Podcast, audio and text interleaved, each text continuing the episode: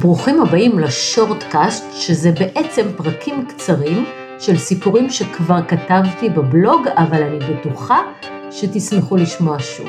תהנו. עדי ואייל הם הזוג הכי סטנדרטי שיש. שניהם שכירים, דירת ארבעה חדרים עם משכנתה שההורים עזרו לקנות בראשון לציון, שלושה ילדים בני שמונה, שש וארבע, מינוס קבוע בבנק, לא משהו קיצוני. גם מכונית אחת שנרכשה עם הלוואה, נו אתם יודעים כאלה שיכולים לדגמן משפחה ישראלית ממוצעת בפרסומת לבנק. גם אצלהם, כמו אצל כולנו, הלב והנפש נשברו בשבעה לאוקטובר. אייל התנדב עוד באותו יום למילואים, ואז הוא גויס בצו 8, אמנם בעורף, אבל כמעט לא רואים אותו בבית, בכל זאת מלחמה.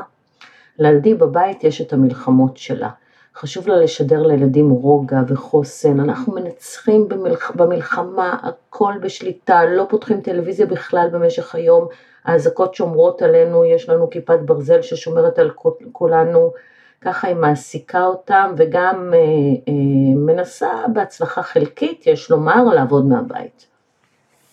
ובערב, בערב עדי מתפרקת מול הטלוויזיה. מול הגבורות, מול הזוועות, בבית חצי חשוך לבד, והולכת לישון לבד. אייל מגיע אחרי אה, חצות ויוצא מוקדם ואין לו שום מושג שהיא מתפרקת. גם הוא כנראה מתפרק מבפנים, אבל הוא לא מראה כלום. ולמרות שהיא אוחזת בפאסון מול הילדים ומבטיחה להם שאנחנו מנצחים, החרדה זולגת עליהם מבין צדקיה. בכל פעם שיש אזעקה ורצים לממ"ד, עומר בן הארבע מתכסה בשמיכה ונכנס לתוך ארגז צעצועים שהוא רוקן באותה שבת ארורה. עידן הבן האמצעי קופא במקום, ורק אילי הבכור מחזיק פאסון בדיוק כמו ההורים שלו. ולמרות שהיא לא מאפשרת לצפות בטלוויזיה, היא תפסה, תפסה אותו צופה בסרטונים שהראה לו חבר בטיק טוק, והיא מאוד כעסה עליו. כעסה למרות שהיא הבינה שאי אפשר לשמור אותם בצמר גפן סטרילי, והמציאות זולגת גם אליהם. ואז היא הבינה שהיא כועסת בעצם עליו. כועסת שהוא לא שם ושאין לו מושג שהיא מתפרקת כל יום, כועסת שאין לו מושג איך הילדים מגיבים בממ"ד, כועסת שאין לו מושג איך עומר נכנס לקופסה ומתכסה בשמיכה ואיך עידן קופא במקום והוא לא יודע שהילה ראה דברים בטיקטוק שבטח הרצו לו את הנפש. כועסת שהוא לא יודע כמה היא כועסת. הנתק הזה ביניהם לא התחיל במלחמה, כבר שנתיים שהם מרוחקים ומתנהלים כמו שני מנהלי מפעל. בשבת לפני שבועיים הם היו אמורים ללכת לחברים בשכונה להתאוורר קצת. לקח לה זמן לארגן את הילדים, הכל יותר איטי בימים האלה, הוא שונא לחכות, זרק לה מילה, היא ענתה לו, התחילה מריבה, הילדים התחילו לבכות, היא קראה לו חלאה, הוא אמר לה שהיא זונה בת זונה, היא אמרה לו שהיא שונאת אותו, הוא ענה שהוא אף פעם לא אהב אותה, והוסיף ואמר שהיא שמנה ומוזנחת ומגעילה אותו. יש מריבות, תזכרו את זה, שאי אפשר לחזור מהן, ששוברות משהו בסיסי שגם ככה היה סדוק מאוד. הם לא הלכו. הוא עלה על מדים והלך לצבא, הוא לא חזר כמה ימים, לא התקשר, לא סימס, לא שאל מה קורה, מה עם הילדים, ונשארה אסופה מולם והמשיכה להיזרק בערבים מול הטלוויזיה, קצת פחות מתפרקת, קצת יותר אסופה. ביום שלישי, בשבע בערב מישהו דפק בדלת. בדיוק תגנה חביתות לילדים ושמה טוסטים בטוסטר, מי זה? היא צעקה ואילי רץ לפתוח את הדלת. אה, אמא מחפשים אותך, הוא אמר בקול מבוהל. אדם אזל לה מהגוף. היא חשבה שעומדים שם אנשי צבא, בכל זאת מלחמה. בהילוך איטי ניגשה לדלת, עמד שם שליח שמסר לה מעטפה ירוקה. אייל פתח הליך גירושין בבית הדין הרבני. ביום רביעי בבוקר היא כבר הייתה אצלי במשרד, הניחה את המעטפה הירוקה ולא דיברה, רק בכתה. מזמן היינו צריכים להתגרש, היא אמרה. אבל למה? למה הוא לא חיכה לאחרי המלחמה? והדבר השני שאני רוצה לספר לכם היום, זה על הקהילה המדהימה שאני גרה בה.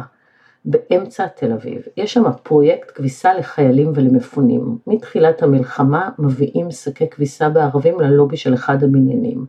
יש קבוצת וואטסאפ שבה מודיעים שהגיעו שקים ועד מתי צריך להחזיר, ונשים מכל הבניינים יורדות בטרנינג וכפכפים ולוקחות שק לכבס. תוך זמן קצר מישהי מודיעה שלקחה את השק האחרון ובעשרות דירות מחפשים, מייבשים ומקפלים באהבה בגדים של אנשים שזקוקים שמישהו יכבס עבורם. כמו כל דבר, גם כביסה אפשר לעשות כדי לצאת ידי חובה או מצווה ואפשר לעשות באהבה.